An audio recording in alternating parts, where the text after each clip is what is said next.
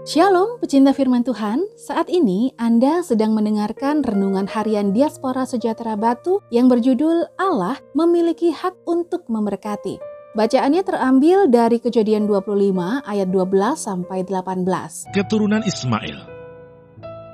Inilah keturunan Ismail, anak Abraham, yang telah dilahirkan baginya oleh Hagar, perempuan Mesir, hamba Sarah itu. Inilah nama-nama anak Ismail, disebutkan menurut urutan lahirnya. Nebayot, anak sulung Ismail. Selanjutnya Kedar, Adbel, Mipsam, Misima, Duma, Masa, Hadad, Tema, Yetur, Nafis, dan Ketma. Itulah anak-anak Ismail, dan itulah nama-nama mereka, menurut kampung mereka, dan menurut perkemahan mereka. Dua belas orang raja, masing-masing dengan sukunya. Umur Ismail ialah 137 tahun. Sesudah itu ia meninggal, ia mati dan dikumpulkan kepada kaum leluhurnya. Mereka itu mendiami daerah dari Hawilah sampai Sur, yang letaknya di sebelah timur Mesir ke arah Asyur.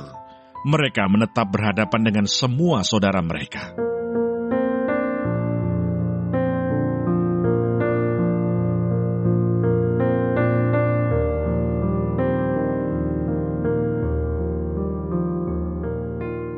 Mereka itu mendiami daerah dari Hawilah sampai Syur yang letaknya di sebelah timur Mesir ke arah Asyur. Mereka menetap berhadapan dengan semua saudara mereka. Kejadian 25 ayat 18. Janji Allah kepada Abraham adalah janji tentang akan ada suatu bangsa yang besar yang berasal dari keturunan Abraham dan Sarah.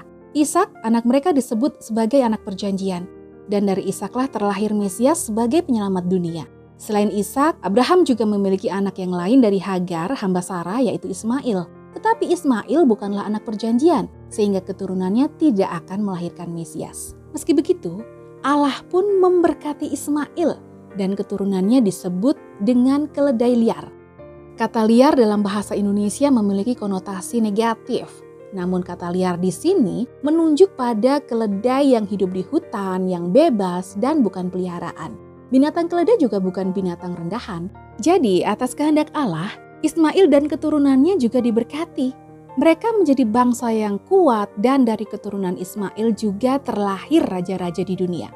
Melalui bagian firman Allah ini kita bisa melihat Allah memiliki hak untuk memberkati siapa yang hendak diberkati dan tidak ada yang bisa mengendalikan Allah. Dengan memberkati Ismail, Allah menunjukkan kepada Abraham bahwa Allah bertanggung jawab terhadap keturunan Abraham, sehingga mereka juga menjadi bangsa yang besar. Hanya saja, keturunan Ismail tidak bisa menyelesaikan masalah dosa yang dihadapi manusia. Hanya keturunan Ishaklah yang mampu menyelesaikannya. Oleh karena itu, jangan pernah iri dengan berkat yang Tuhan berikan untuk orang lain, sebab Tuhan memiliki hak untuk memberkati siapa yang hendak diberkatinya. Tiga bulan lamanya tabut Allah itu tinggal pada keluarga Obed Edom di rumahnya dan Tuhan memberkati keluarga Obed Edom dan segala yang dipunyainya. 1 Tawarik 13 ayat 14. Tuhan Yesus memberkati.